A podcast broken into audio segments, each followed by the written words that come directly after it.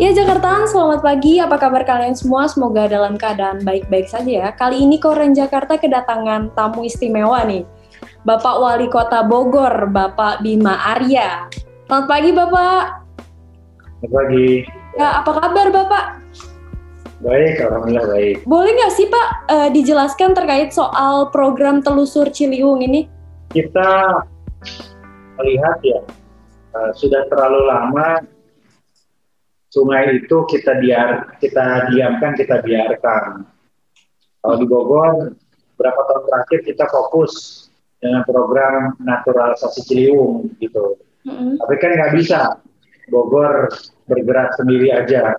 Yeah. Makanya Bogor harus bergerak sama-sama dengan yang lain karena menangani sungai itu dari hulu ke hilir dan menyangkut banyak hal bukan saja memberikan edukasi atau kulturnya tetapi juga harus membangun infrastrukturnya gitu. Dan di Bogor kita sudah menjalankan program naturalisasi ini sudah dua tahun dan bahkan kita membentuk Satgas Ciliwung. Ini kayaknya satu satu pertanyaan bisa saya jawab semua, jadi uh, terus saja. Ya, jadi intinya uh, kita melakukan pertama edukasi kepada warga untuk tidak membuang sampah sembarangan, untuk tidak BAB sembarangan, tetapi kita juga membangun berusaha untuk memaksimalkan pembangunan infrastruktur karena tidak mungkin kita melarang warga untuk buang sampah tanpa kita perbaiki sistem pengelolaan sampahnya begitu.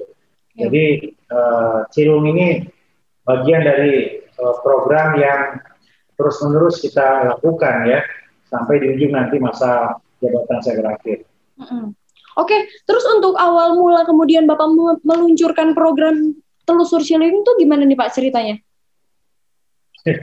ya itu tadi, ya, jadi uh, ya kita kita ingin tahu kan selama ini banyak yang menganggap bahwa banjir di Jakarta itu kiriman dari Bogor, hmm. kiriman dari Hulu. Ya kita ingin cek sebetulnya seberapa besar semua air yang datang dari uh, Hulu seberapa banyak persoalan-persoalan yang ada di hilir, apa saja persoalannya gitu. Makanya kemudian kita melakukan ekspedisi Ciliwung untuk melakukan pemetaan lah dari hilir masalahnya apa saja. Dan ternyata kita menemukan banyak persoalan.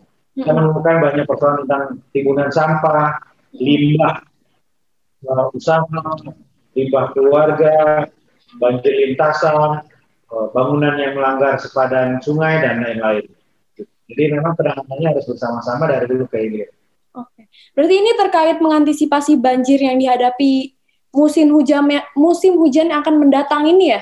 Enggak sih, eh, kita kita tidak hanya sesempit itu, mm-hmm. tidak hanya sejangka pendek itu. Ini program yang jangka panjang. Ya. Jadi justru nggak mau kita hanya sibuk, hanya heboh, hanya turun ketika mau musim hujan. Enggak. Ya, kita ini sepanjang tahun kok. Setiap hari Satgas Ciliwung itu patroli, nggak ada hari libur. Dari Senin sampai Minggu ya patroli. Dianggarkan oleh APBD untuk memberikan sampah, membersihkan sampah, melakukan edukasi. Ya. Jadi semuanya itu bergerak. Jadi bukan hanya karena menjelang banjir, tapi kita ingin agar sungai ini betul-betul bersih. Yeah. Infrastruktur juga dibangun. Ini jangka panjang, bukan hanya jangka pendek dan musiman. Mm -mm. Terus uh, tentu kan Bapak melakukan telusur sungai Ciliwung ini tuh nggak sendiri ya? Bisa nggak dijelasin Bapak sama siapa aja dan berapa lama gitu?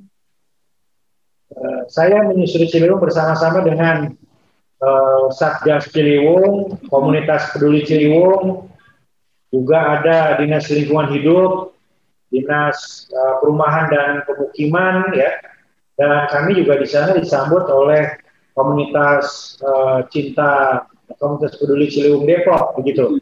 Bersama BPBD juga gitu. Jadi uh, semua yang ada kaitannya dengan penanganan banjir, bencana, Ciliwung, lingkungan hidup, ya saya ajak. Mm-hmm. Dan perjalanannya dua hari, satu malam.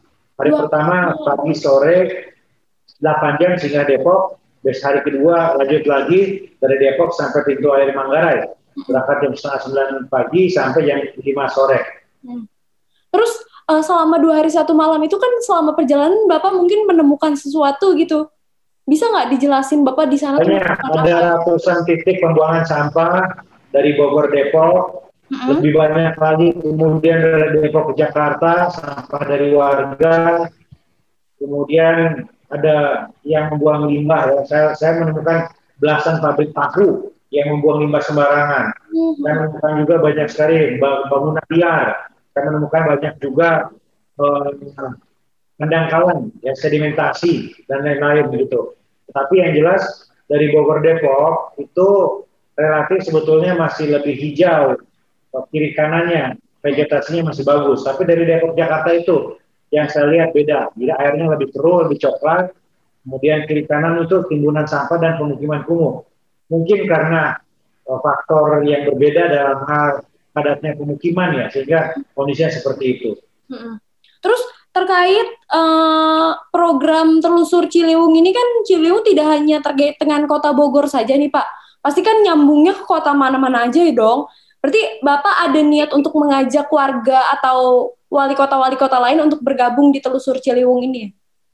Kami kan menetapkan ya ada ratusan titik yang bermasalah tadi uh-huh. dan minggu ini akan kami surati uh-huh. ke Bupati Bogor, Wali Kota Depok, Gubernur Jakarta dan Wali Kota yang ada di Jakarta untuk menyampaikan temuan kami agar bisa kemudian uh, dilakukan koordinasi yang lebih baik lagi bersama-sama menyelesaikan masalah itu. Iya betul. Terus uh, menurut Bapak bagaimana dengan sampah yang selalu menumpuk di Ciliwung gitu? Apakah ini soal kesadaran dari masyarakat? Ya semuanya, sampai tadi saya sampaikan di awal ya.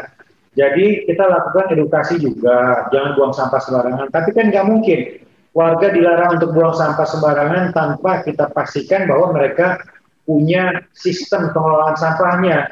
Jadi harus kita bangun juga TPA-nya, bak sampahnya, ya. MCK-nya, pipa komunalnya semuanya. Jadi ini kombinasi antara membangun kultur dan infrastruktur. Gak mungkin warga kita paksa bahkan kita denda nggak boleh buang sembarangan ya. tanpa kita bangun infrastrukturnya. Gitu. Berarti ini tergantung kesadaran masyarakat sendiri gitu ya Pak? Enggak, bukan hanya kesadaran masyarakat, tapi kesadaran pemerintahnya. Oh, kesadaran pemerintahnya. Sadar, tapi pemerintahnya nggak sadar gimana? Iya, Kalau beritanya, camat lurahnya nggak memperhatikan, iya. nggak berpikir bagaimana membangun TPA, tempat pengolahan sampah, iya. nggak berpikir bagaimana membangun IPAL, ya semuanya buangnya ke sungai. Jadi salah kalau dibilang kesadaran warga, kesadaran pemerintahnya juga. Jadi ini cara kami untuk mengingatkan bukan saja warga, tetapi hmm. semua unsur pemerintahan. Iya, oke. Okay. Terus uh, kapan nih Pak ada rencana, rencana ketemu dengan pusat atau kepala daerah yang lain?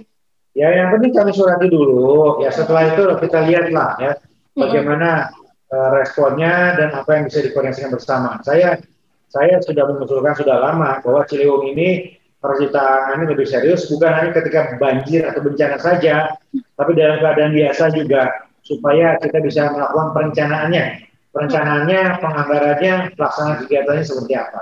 Oke, okay. Pak, uh, saya ini uh, lihat instastory Bapak nih ya.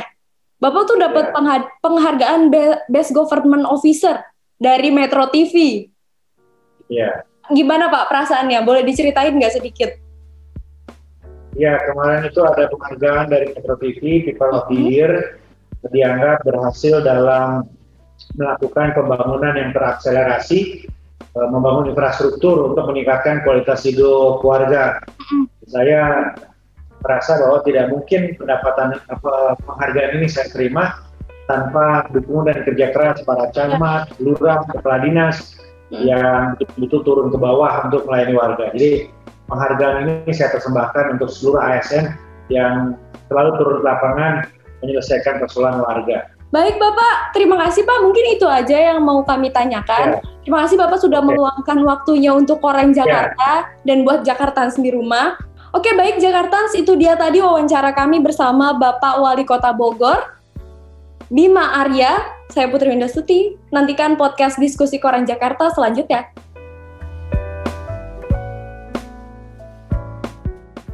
Halo Jakarta, jangan lupa dengerin podcast diskusi Koran Jakarta hanya di Spotify.